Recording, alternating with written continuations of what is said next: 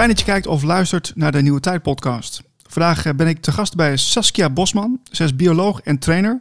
We gaan het hebben over de pijnappelklier. En die zit als het goed is ergens in het midden hier van je hoofd, van je brein. En uh, dat is een heel interessant klein, ja, klein orgaan of een klein korreltje. Ja, we gaan het zo even over hebben. Met Saskia, want ik ben bij jou te gast. Saskia, welkom in de show. Dankjewel. Ik vind het uh, hartstikke fijn om uh, in jouw show te mogen zijn en te mogen vertellen over een onderwerp waar ik ontzettend graag over vertel, namelijk de pijnappelklier. Ja, ja je bent er al 28 jaar mee bezig? Ongeveer? Nou, ik ben 28 jaar al bezig met het uh, geven van lezingen en trainingen vanuit mijn ZZP-onderneming Inspire Radiance. En, uh, maar ik ben al veel langer bezig met de pijnappelklier. En eigenlijk al sinds de middelbare schooltijd, toen ik zo'n 16, 17 jaar oud was, toen kwam ik uh, een tweetal artikelen tegen over de pijnappelklier in het tijdschrift Prana. Die artikelen waren geschreven door professor Dr. Ariens Kappers, oprichter van het Nederlands Instituut voor Hersenonderzoek.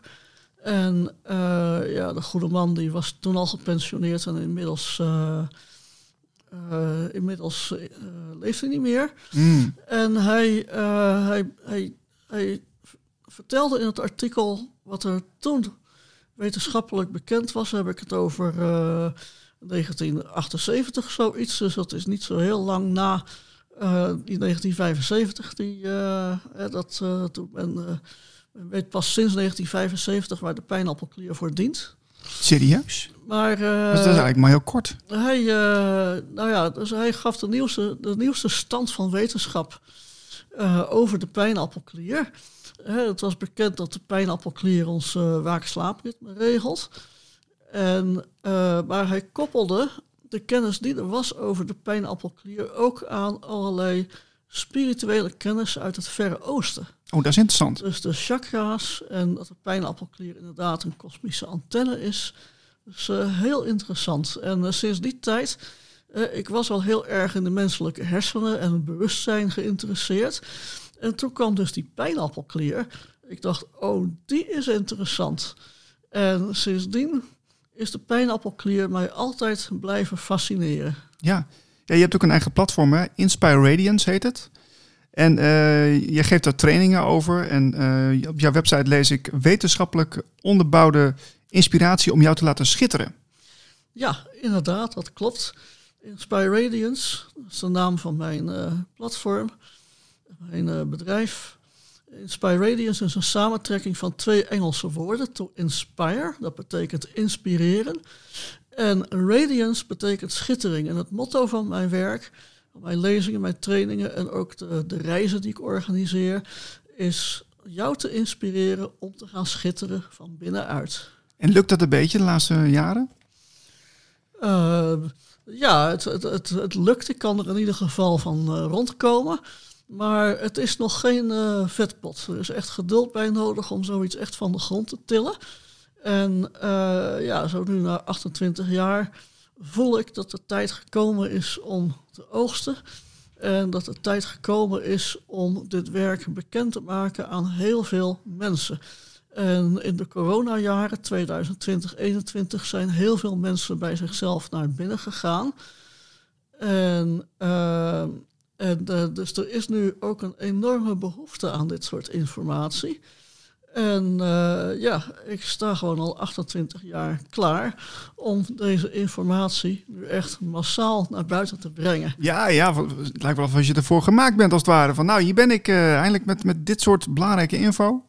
Ik vond dat heel veel mensen hier aan zoeken. Ja, dat klopt. Nou, het is uh, wat mij betreft ook wel, wel onderdeel van mijn levensmissie, van wat ik hier te doen heb op aarde. Ja, geloof ik wel, ja. Um, misschien is het wel leuk om even te vertellen. We, tijdens deze podcast kunnen mensen ook kijken naar een aantal filmpjes, of in ieder geval um, fotootjes, afbeeldingen. Ja. Die komen uit jouw lezing, want ja, we kunnen erover praten, maar als het ook visueel zichtbaar is, is het voor mensen altijd prettig natuurlijk. Ja. Dus dat, mensen, dat mensen dat weten als ze kijken, dat ze ook af en toe wat ondersteuning hebben in deze video. Um, dus het komt van jou, van jouw platform. Ik, ik, ben eigenlijk wel benieuwd, wanneer was er nou voor het eerst wetenschappelijk onderzoek naar die pijnappelklier? Nou, eigenlijk pas sinds 1975. En tot die tijd werd de pijnappelklier beschouwd als een rudimentair orgaan. En rudimentair, dat wil zeggen dat het een orgaan is wat we ooit vroeger in de evolutie gebruikt hebben, maar dat in onbruik geraakt is. En dat is wel van wel meer onderdelen van het menselijk lichaam, gedachten ook van de neus- en keelamandelen, van het wormvormig aanhangsel van de dikke darm. Maar dat blijken toch allemaal belangrijke organen te zijn. En de pijnappelklier die stond altijd wel in anatomieboeken, maar niet in fysiologieboeken. Hè. Dus wel in boeken die de, maar de structuur van het lichaam weergeven, maar niet in boeken die gaan over het functioneren van het lichaam. En pas rond 1975 werd er ontdekt dat de pijnappelklier een belangrijke rol speelt in ons waak-slaapritme. En dat hij ons waak-slaapritme regelt met een tweetal hormonen. Uh, al die hormonen worden van het aminozuur tryptofaan gemaakt. Aminozuren, dat zijn bouwstenen van eiwitten. Tryptofaan is er één van. En de pijnappelklier zet die ook om uh, overdag in het hormoon serotonine.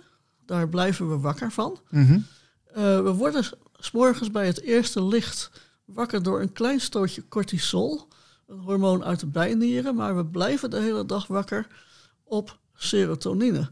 En als s'avonds, als het donker wordt, dan gaan de pijnappelkliercellen het serotonine omzetten in het slaaphormoon melatonine. Daar komt steeds meer van in je circulatie en op een gegeven moment word je slaperig en, uh, en val je ook in slaap.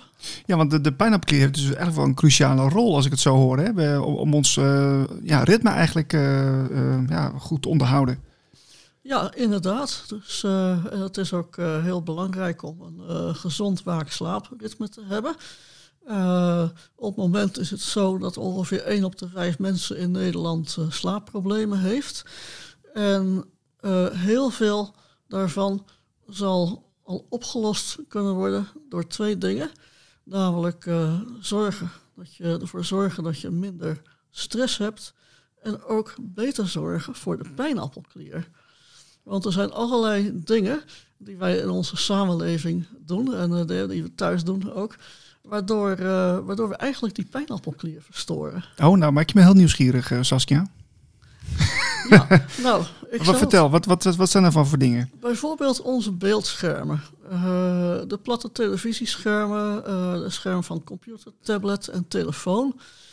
Die, die die, die zenden gewoon alle kleuren van het uh, licht uit, hè, alle kleuren van de regenboog.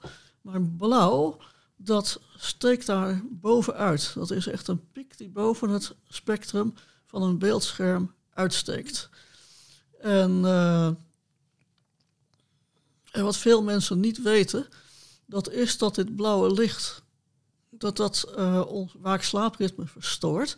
De pijnappelklier die ziet namelijk of het buiten ons lichaam licht of donker is via onze twee ogen. Mm -hmm, ja. en, uh, en de pijnappelklier die richt zich vooral op de blauwe component van het daglicht.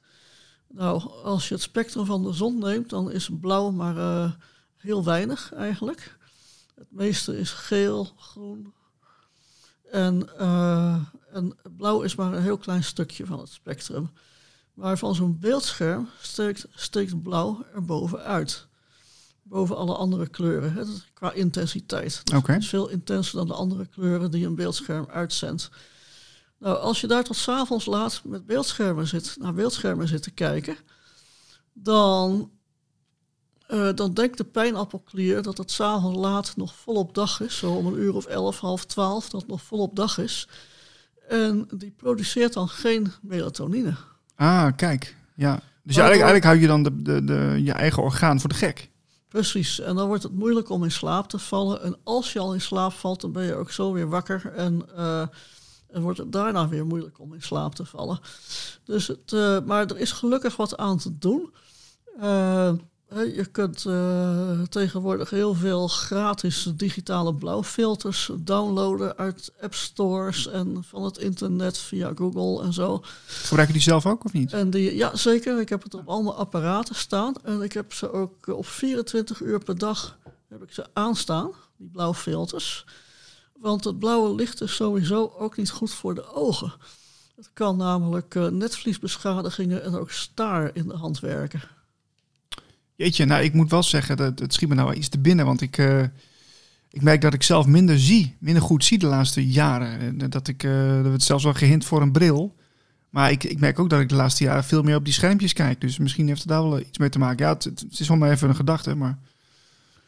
Het zou ermee te maken kunnen hebben. Ik wil nog niet meteen zeggen dat jij een net, netvliesloslating of staar hebt, maar uh, ja, het kan dus zijn dat, dat, uh, dat, dat, de focus van de ogen ook een beetje in de problemen komt. En dat je dan op een gegeven moment op de nominatie komt voor een bril. Ja, ja. Nou, ik probeer wel zo, zoveel mogelijk te rekening mee te houden dat ik, dat niet te lang achter die schermen zit en zeker niet s'avonds laat.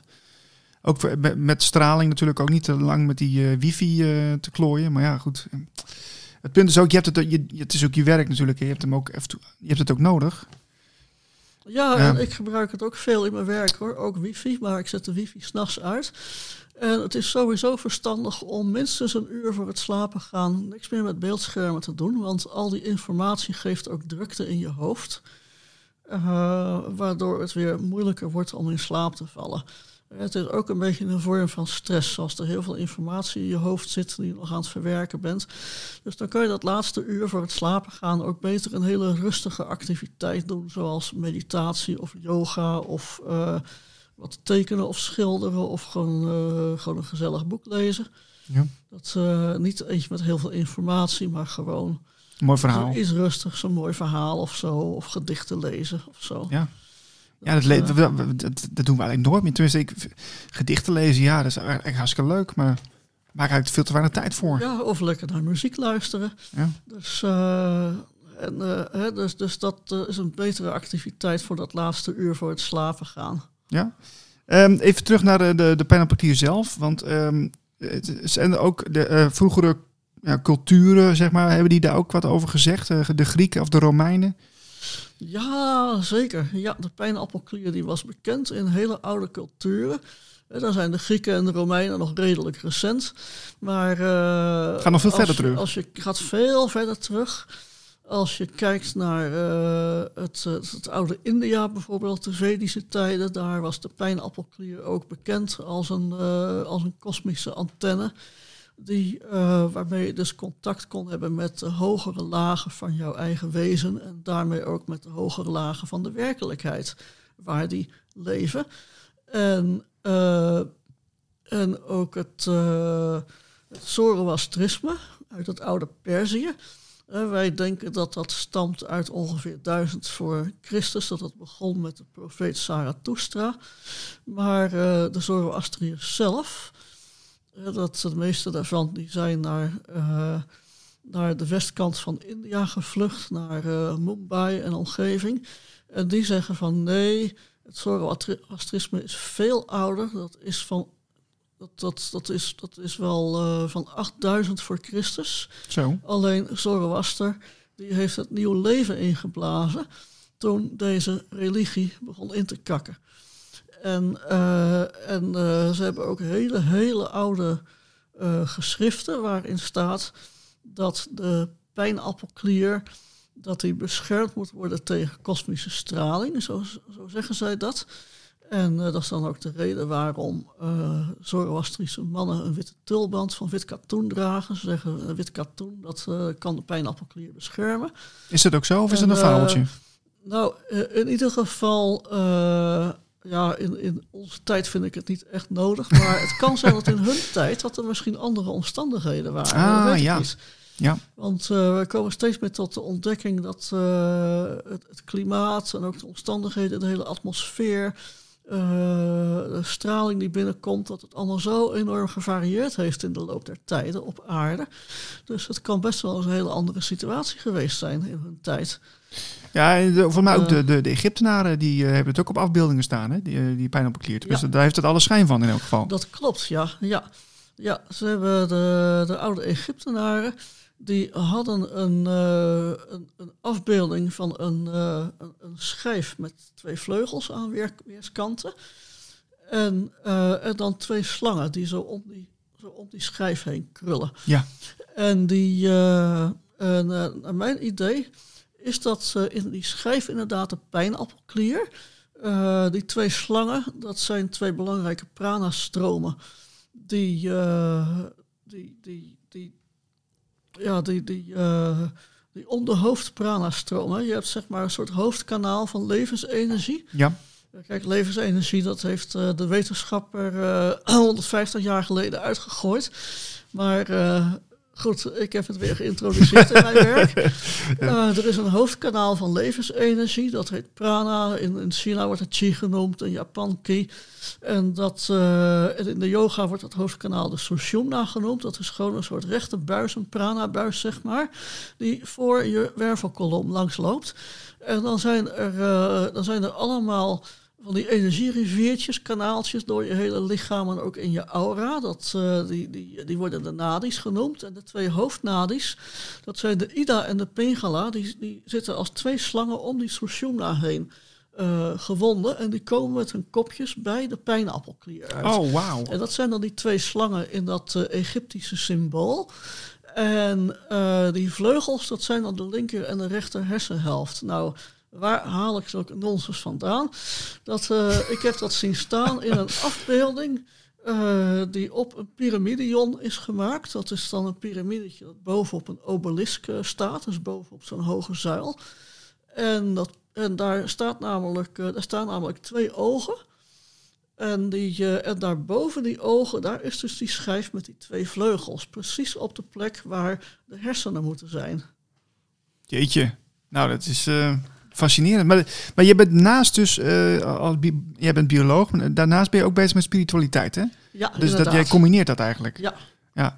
Want uh, ja, een van mijn vragen was natuurlijk ook van wat doet de pijnappelklier? Je hebt net verteld dat het de, de dag-nacht-cyclus, zeg maar, die, die, dat ritme zeg maar, uh, reguleert. Ja. Maar daarnaast heeft het ook een spirituele um, functie. Ja, zeker. De pijnappelklier die, uh, uh, er zijn diverse chakra's die uit ons hoofd steken. Chakra's, dat zijn energiecentra, uh, een soort draaiende draaikolken van licht. het heeft ook het uiterlijk van lotusbloemen als je het bekijkt op plasmaniveau, nog een hogere frequentie. Oké. Okay. En die chakra's die uit het hoofd steken, die hebben allemaal hun oorsprong in de pijnappelklier. En de pijnappelklier die bevindt zich in de sushumna, dus in die hoofdsnelweg uh, waar doorheen onze levensenergie stroomt. Ja, nou, dat is op een hele uh, centrale plek. Ook midden in je brein natuurlijk. Ja, zeker. Een hele ja. belangrijke plek inderdaad. Uh, hele oude culturen. Ja, het bizarre is hoe ouder, hoe ouder de cultuur is die je bekijkt, hoe gedetailleerdere informatie ze hadden over de pijnappelklier. Dat zou je niet verwachten. Nee, dat je is zou eigenlijk... verwachten Ja. dat, uh, dat het naar het verleden toe meer zou vervagen, die informatie. Maar de oudste culturen die zeggen ook de pijnappelklier.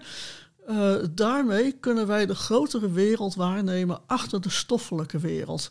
En dan heb ik het over die grotere werelden die ook, die ook uh, ervaren worden tijdens hele mooie, bijna doodervaringen.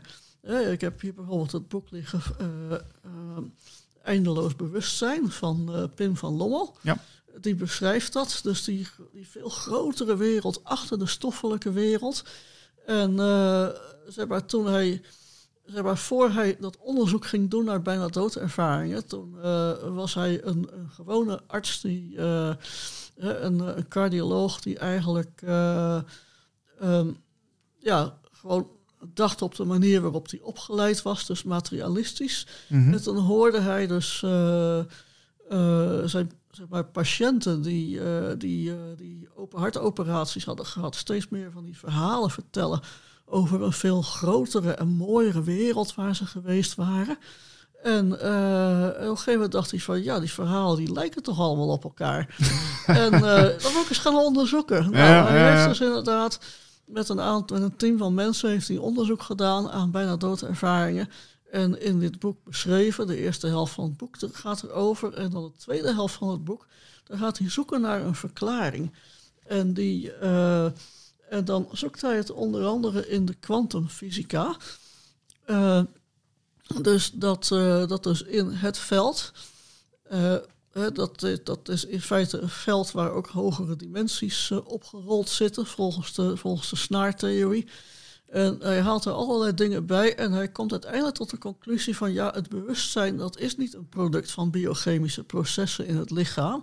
Het heeft er wel interactie mee, maar het is niet het product daarvan. Het bewustzijn kan dus onafhankelijk van het lichaam bestaan. Ja, ja. En heeft in dit leven een stoffelijk voertuig, een lichaam, om in deze 3D-stoffelijke wereld te kunnen zijn en uh, ervan te kunnen leren. En uh, met, met, die boodschap komen dus vaak ook mensen terug uit een bijna doodervaring. Van ze worden dan eigenlijk teruggestuurd, maar met de bedoeling om nog, uh, ja, nog een aantal dingen te leren in dit leven. En vaak gaat, gaat het leven van zo'n bijna doodervaarder dan ook echt 180 graden om. Ja, maar wat doet die pijnappelklier dan precies op nou, dat spiritueel gebied? Ja, die pijnappelklier in ieder geval, hij ziet de hersenen niet als een producent van bewustzijn, maar als een uh, ontvanger van bewustzijn. En, en de pijnappelklier, dat... ik, zie de, ik zie zelf de pijnappelklier eigenlijk als een, als een antenne eigenlijk een antenne in de hersenen. Die uh, uh, in feite ook als radiokristallen, want er zitten hele kleine kristalletjes in de pijnappelkliercellen. Heb je daar dus ook een afbeelding van, uh, to toevallig of niet? Daar heb ik een afbeelding van. Als het goed is, zit die ook in de PDF die, van mijn lezing die ik jou gestuurd Kijk, dan kunnen we dat nu even laten zien. Ja, dus er zitten kleine kristalletjes in, in, ja, in ons brein eigenlijk. Hè? Dat is toch fascinerend?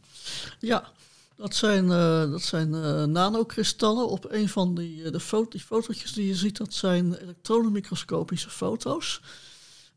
dus die kunnen echt tot op de, op de nanometers vergroten, kijken. En er staat één calcietkristal op, op het fotootje linksboven.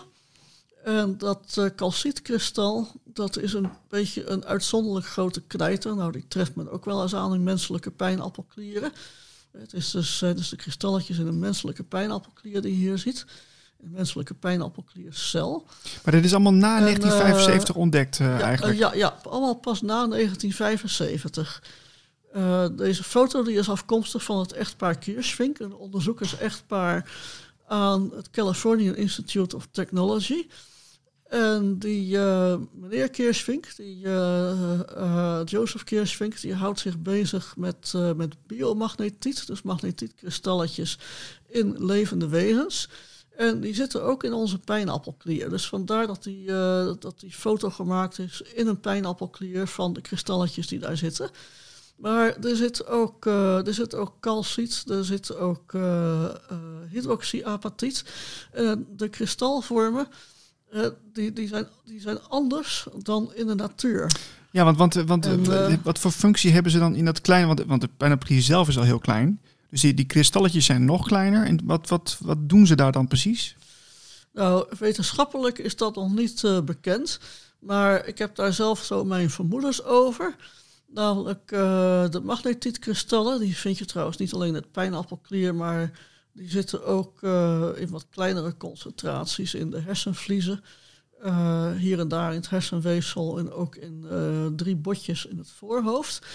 Die spelen in ieder geval een rol bij de oriëntatie op het aardmagnetisch veld. Dat hebben wij als mensen ook. Wij kunnen ons ook op het aardmagnetisch veld oriënteren, alleen we maken er niet zoveel gebruik van. Maar allerlei diersoorten, zoals postduiven, uh, en andere diersoorten, ook vleermuizen. Ja, die moeten natuurlijk eh, navigeren. Ja, Precies, ja, Die gebruiken dat wel actief. Maar als mensen kunnen wij dat wel weer leren. En uh, uh, de, de andere kristallen die, zeg maar, die in de pijnappelklier voorkomen... Uh, dat is, uh, zijn calciet en hydroxyapatiet. Ik heb achter mij ook voorbeelden liggen van die kristallen. Die kan ik uh, straks nog wel even laten zien. Ja, ik wil even in de video doen straks. Want we hebben ja. ja nog een kleine video na tijd. Ja, leuk. Ja, je hebt naast magnetiet in de pijnappelkliercellen ook nanokristalletjes van hydroxyapatiet en calciet. En die zijn piezo-elektrisch. Dat betekent dat ze gevoelig zijn voor geluid. Geluid zetten ze om in elektrische veldjes. En als gevolg daarvan kun je dus je pijnappelklier ook stimuleren met je stem door geluid te maken. En die kristalletjes zijn ook gevoelig voor elektriciteit, met name elektrische wisselvelden. En die zetten ze dan om in trilling. in geluid. Dat geluid horen we niet in ons hoofd, maar het is er wel. Alleen Oh, het, zit, het is buiten ons gehoorbereik. En, eh, en het interessante is dat calciet en hydroxyapatiet uit de natuur, dus uit, de aarde, eh, dat die niet piezo-elektrisch zijn. Maar onze pijnappelkliercellen die zetten gewoon andere kristalvormen af met andere eigenschappen. wauw. Dat, eh, dat klinkt echt wel alsof we zelf een, soort, een andere soort zijn dan wat we op de aarde zelf hebben. Ja, Ja, Dat, is, dat, is, dat is toch een, dan zijn we dus eigenlijk een ander. het klinkt bijna buitenaards. Hè? Ik wou bijna zeggen, ja. ja jij zegt het nu, maar, maar dat is wel opvallend natuurlijk. Ik bedoel, je zou toch verwachten, ik bedoel, onze, onze, onze biologische lichamen zijn van de aarde. Eh, Ja. En dan zou je dat denken dat, dat, dat het materiaal daar ook dan afkomstig van is. Maar misschien is, is er wel, eh, ja, Wij zetten onze eigen kristallen af en dat gebeurt al vanaf het begin van de evolutie op aarde. Eh, zijn bacteriën die strengetjes van magnetietkristallen in zich hebben. En dat zijn dus ook andere kristalvormen dan, dan die uit de aarde. Maar die bacteriecel die zet die kristalletjes gewoon op die manier af. En eh, normaal zijn het van die dubbele piramidetjes, dus octaeders, maar het worden een soort gefacetteerde cilindertjes. En, eh, en diezelfde kristalletjes, als die bacterie afzet eh, in zijn eencellige lijfje, eh, die zetten wij dus ook af in onze pijnappelkliercellen. en wat gebeurt er dan? Eh, nou ja, de, op zich gebeurt er niks bijzonders, want zowel die octaedertjes, eh, die magnetietkristallen uit de aarde, als die gefacetteerde cilindertjes die wij produceren, die zijn gevoelig voor het aardmagnetisch veld. En ook voor magnetische wisselvelden. Dus dan voel je misschien al ook elektromagnetische straling eh, uit de wifi, uit de mobiele telefonie. eh, en eh, en nou ja, waar dan ook vandaan, ook uit het lichtnet. Dat, dat beïnvloedt dus die kristalletjes in onze pijnappelklier. En volgens het echtpaar Kirschvink, dat ik al eerder noemde, in verband met die foto, is, is, is dat een van de belangrijke mechanismen waardoor we last kunnen gaan krijgen van straling. Ja. En het is inmiddels gebleken dat als we maar eh, lang genoeg blootstaan aan microgolfstraling, bijvoorbeeld, dan op een gegeven moment dan is het de druppel die de emmer doet overlopen en dan word je zomaar elektrohypersensitief. Dus dat je dan niet meer tegen de straling kan en je, eh, je huis moet gaan beschermen met materialen, beschermende kleding dragen enzovoort. Jongen, jongen, jongen. En zulke mensen zijn er, zulke mensen ken ik. En eh, ja, straling gaat me ook zeer aan het hart, al, al heel lang vanwege de pijnappelklier. Maar eh, we zijn er, ik ben daar met een aantal collega's van verschillende wetenschappelijke disciplines ook een onderzoek in begonnen. Eh, straling onder toezicht heet dat. We hebben ook een gelijk, gelijknamig eh, boekje geschreven. Ja, mag je hier wel even ophouden, dan kunnen Ja. mensen het zien. Dat, Straling eh, onder toezicht. Straling onder toezicht, geschreven door de publicist Sander Funneman, de fysicus George Remkes, die ook stralingsdeskundige is, en ikzelf.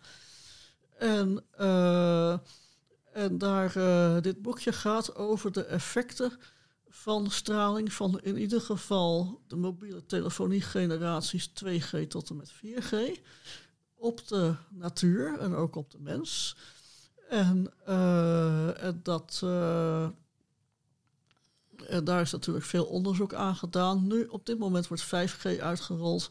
Ja. En daar is nog nauwelijks onderzoek aan gedaan. Maar wij zijn daar een ecologisch onderzoek eh ingestart op de Veluwe. In ieder geval de voorbereidende metingjes om de meetprotocollen goed te krijgen. En we hopen eh, in januari eh, definitief van start te gaan met een driejarig onderzoek. En daar zijn we op dit moment de fondsen voor aan het werven.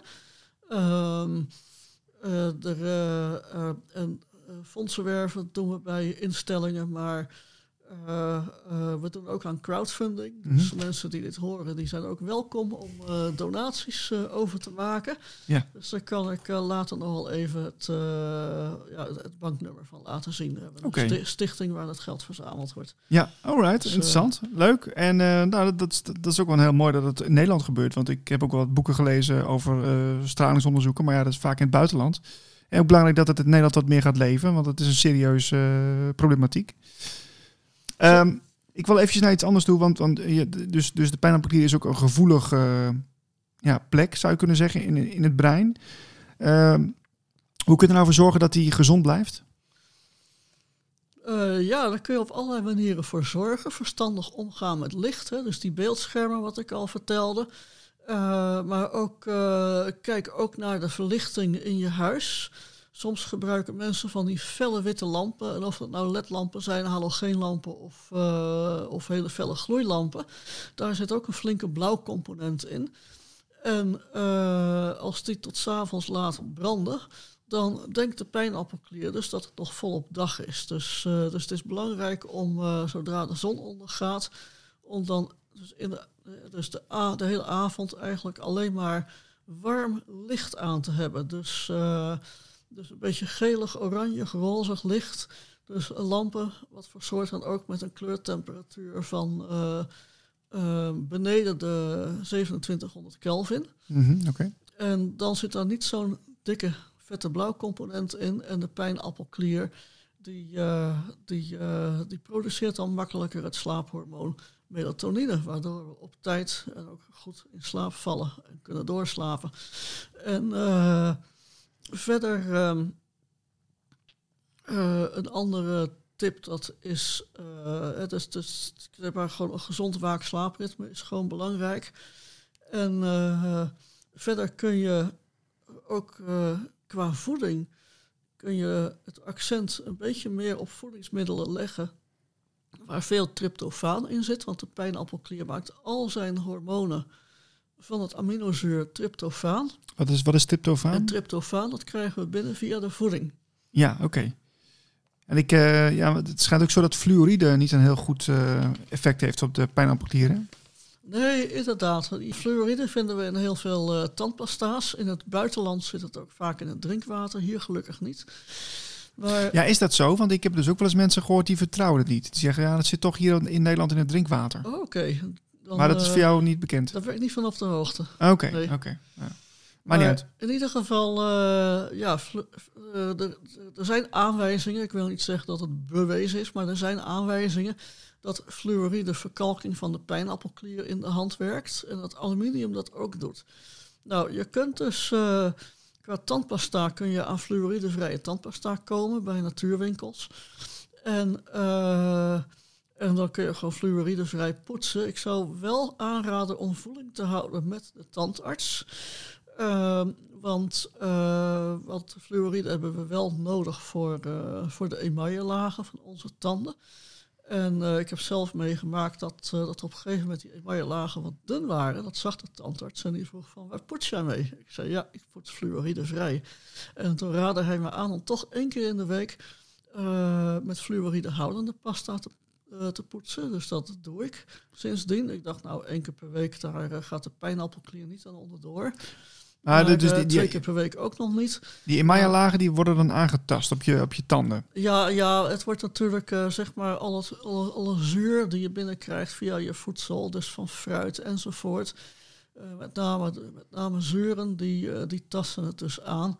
En fluoride, dat is een van de bestanddelen van die uh, lagen een van de mineralen die erin zit. En die heb je dan gewoon nodig. En ik denk dat het ook wel maar ook wel via het voedsel, zeg maar, uit het voedsel te halen is, maar dat heb ik nog niet echt uh, uitgezocht. Uh, misschien dat Celtisch zeezout of zo het bevat, ik weet het niet. Maar uh, ja. in ieder geval, ik ben één of twee keer per week poets ik dan met fluoridehoudende tandpasta. En ik dacht, daar, daar, daar gaat de pijnappelklier niet van verkalken. Want wat je het grootste deel van de week doet, dat heeft een belangrijker effect op je lichaam dan wat je één of twee dagen doet. Ja. Dus uh, dat is gewoon algemeen uh, bekend. Ook uh, zeg maar algemeen op het gebied van gezonde voeding. Ja, en nu, nu is het ook zo dat, dat je vaak hoort dat de pijnappelklier wordt de kosmische antenne genoemd. Hè? wat, wat wil het zeggen volgens jou? Ja, de kos, dat, volgens mij zegt dat dat de pijnappelklier echt het, het antennetje is of de ontvanger van het lichaam, ontvanger en zender. Waardoor we eh, interactie kunnen hebben met de hogere lagen van de werkelijkheid. Dus echt die grotere wereld achter onze stoffelijke wereld. Ik heb zelf in een diepgaand onderzoek eind jaren, zo rond 2000, ook kunnen constateren dat die, die calciet- en hydroxyapatietkristalletjes in de pijnappelklier, dat die, dat die een bepaalde kwantumeigenschappen ook hebben. Dat ze een intense interactie hebben met het kwantumveld. En uh, als je het over het kwantumveld hebt, dan heb je het dus over een veld wat, wat niet direct meetbaar is met wetenschappelijke instrumenten, maar wat er volgens uh, ja, indirecte bewijzen wel moet zijn. Hoe, hoe onderzoek je dat dan, Saskia? Kun je dat, kun je dat een beetje uitleggen voor mij? Want ik, ik vind het wel interessant. Ja, ik heb gewoon gekeken naar uh, wat, voor, wat voor eigenschappen hebben die kristalletjes nu allemaal. Wat voor optische eigenschappen, hoe interacteren ze met licht met name. En, eh, de, en daar haalde ik dus uit dat ze een intense interactie hebben met het kwantumveld. En, uh, en dat die kristalletjes dus inderdaad ontvangers kunnen zijn van energie en informatie uit hogere lagen van de werkelijkheid. Dus uit, uh, uit die grotere wereld, achter de stoffelijke wereld, die ook in, uh, uh, in bijna doodervaringen ervaren wordt, maar die ook in diepe meditatie ervaren kunnen worden. Je kunt zelfs een bijna doodervaring krijgen zonder bijna dood te gaan. En, oh, okay. Dus dat is allemaal mogelijk. En dus, dus daarom zie ik de pijnappelklier als een belangrijke ontvanger die samenwerkt met onze hersenen en die, uh, ja, die, die dus de hersenen helpt om een ontvanger van bewustzijn te zijn. Ja, want het, het produceert ook DMT, hè? En, en uh, ja. als de DMT is dan toch eigenlijk een stofje wat, uh, wat je ook vaak hoort bij ayahuasca-sessies volgens mij, waarin dus mensen naar een verhoogd bewustzijn gaan. Ja, precies. Er is ook een groot onderzoek naar gedaan in Amerika door, door Rick Strassman. En die, die heeft dan verschillende doses DMT ingespoten bij vrijwilligers. En, en gemerkt dat, dat mensen dus echt naar, naar andere lagen van de werkelijkheid, naar andere werelden toe reizen. En, en dan ook weer terugkomen. En bij de hoogste dosis, daar, daar werden zelfs bijna doodervaringen opgewekt zonder dat de proefpersonen bijna dood gingen. En die bleven gewoon leven, alleen ja, ze waren gewoon in een hele diepe bewustzijnstaat en kregen dus eenzelfde ervaring als gerapporteerd wordt van bijna doodervaringen. Ja. En uh, daarom heeft hij ook de theorie van als iemand overlijdt, dat de pijnappelklier dan een gigantische stoot DMT afgeeft. En DMT is gewoon een van de pijnappelklierhormonen. Er zijn nog twee andere bewustzijnsverruimende hormonen die de pijnappelklier produceert. Dat zijn pinoline en 5-meo-DMT. En die worden dus gemaakt uit, door de pijnappelkliercellen uit het slaaphormoon melatonine. En uh, er, is een, uh, er is een Amerikaanse biochemicus, James Callaway, die zelfs de theorie heeft dat vlak voordat we de droomfase ingaan, dus dat we levendige dromen krijgen vlak daarvoor, dat, uh, dat dan die, die drie bewustzijnsverruimende hormonen worden aangemaakt uit het slaaphormoon melatonine, dat dan volop aanwezig is. Ja, ja, ja. En uh, dat je dus ook in je dromen eigenlijk, eigenlijk andere lagen van de werkelijkheid ingaat. En uh, hè, dat je droomt natuurlijk ook over inhouden uit je eigen onderbewuste, soms uit het collectief onderbewuste van de mensheid. En, uh, maar tegelijkertijd zit je ook in andere lagen van de werkelijkheid. Nou, in meditatie gebeurt dit ook. Het is ook intussen aangetoond van diepe meditatie. Dat dan op dat uh, als je je ogen dicht doet, je gaat mediteren, dan, uh, dan word je eerst vaak een beetje slaperig. Nou, dat is al een teken dat de pijnappelklier het serotonine begint om te zetten in het slaaphormoon melatonine. En, uh, en zit je dan zeg maar al zo'n 10, 15 minuten te mediteren, dan, dan kun je ineens gaan merken dat je innerlijke beelden gaat zien of dat je klanken gaat horen uh, innerlijk. Dus niet, niet van buiten, maar met je innerlijk gehoor. Ja, ja, ja. of dat je inzichten gaat krijgen of ineens, of ineens informatie krijgt, innerlijk weten. En eh, of, of, of, eh, of, of dingen gaat voelen. Heb je dat zelf ook wel eens ervaren, dat soort ja, dingen? ook vaak genoeg. Oké. En dat is een teken dat, eh, dat op dat moment de pijnappelkliercellen het melatonine aan het omzetten zijn in die drie bewustzijnsverruimende hormonen, pinoline, 5-MeO-DMT en DMT. En die verschijnen ook in die volgorde in je bloedcirculatie en in je hersenruggenmergvocht, zodat het ook heel snel naar andere hersendelen toe kan. Ja. Vind je nou dat als je uh, veel oefent als, met spiritualiteit en bewustzijn, uh, je weet dit soort informatie, dat je dit ook uh, moet bijhouden als een soort oefening, dat je, dat je getraind blijft? Ja, zeker. Dat is altijd verstandig om bij te houden. Dus niet alleen uh, de leefstijltips op te volgen die ik gaf en nog meer leefstijltips die in, in onze trainingen voorkomen. Maar, en daarom geef ik ook, nou, geef ik ook trainingen voor de pijnappelklier. Want er zijn allerlei meditatieve oefeningen uit de hele wereld die je in kan zetten. Ah, interessant. Die geef ik dus ook in mijn trainingen. En het is iedere keer een stukje informatie afgewisseld met wat oefeningen. En er is één uh, training die ik geef, dat is een driedaagse pijnappelkliertraining. Er zit altijd wat ruimte tussen die dagen in, dus uh, zeg maar zo een week of een paar weken daartussen. Zodat mensen de tijd hebben om alles te integreren. En, en er is een andere driedaagse, die geef ik samen met twee collega's. Nicolette de Vetten en Margreet Visser. Dat zijn twee zussen. En en uh, met, met ons drieën geven we de pijnappelklier masterclass. Dat, uh, die begint met twee dagen aan één gesloten. Waar ik dan voornamelijk de, de eerste dag verzorg. En dan help bij de tweede dag. Als er genoeg deelnemers zijn, dan help ik ook bij de derde dag. En die derde dag die is dan een maand later.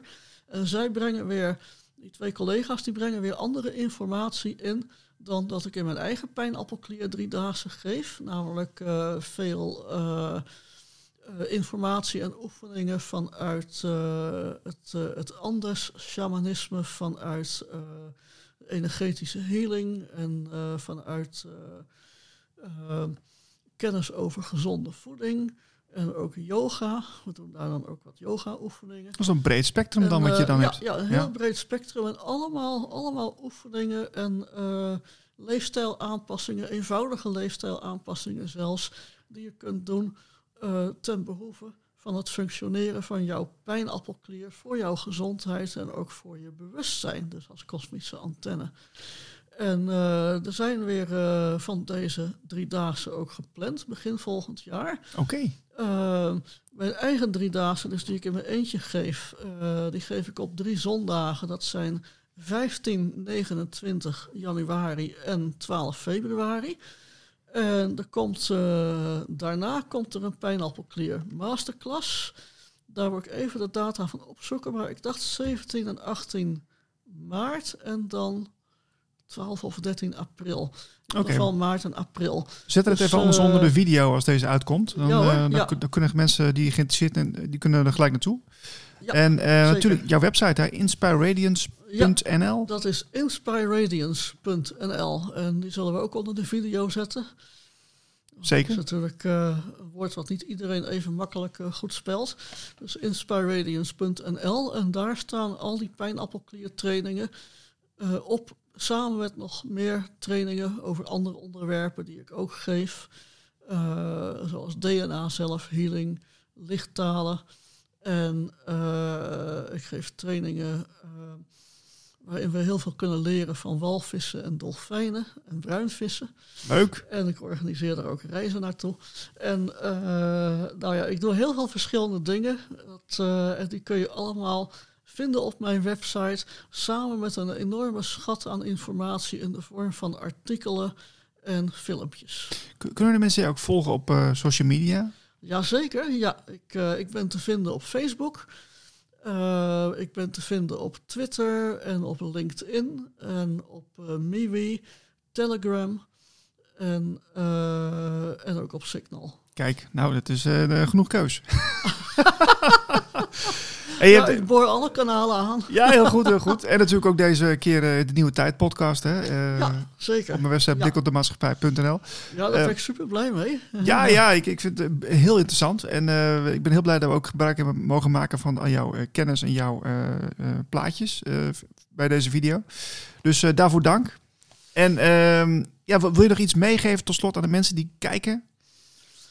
Ja, nou, heel graag gedaan. En ik eh, ben jou ook heel dankbaar voor het mooie werk wat je doet met deze podcasts. En eh, ja, wat wil ik mensen nog meegeven?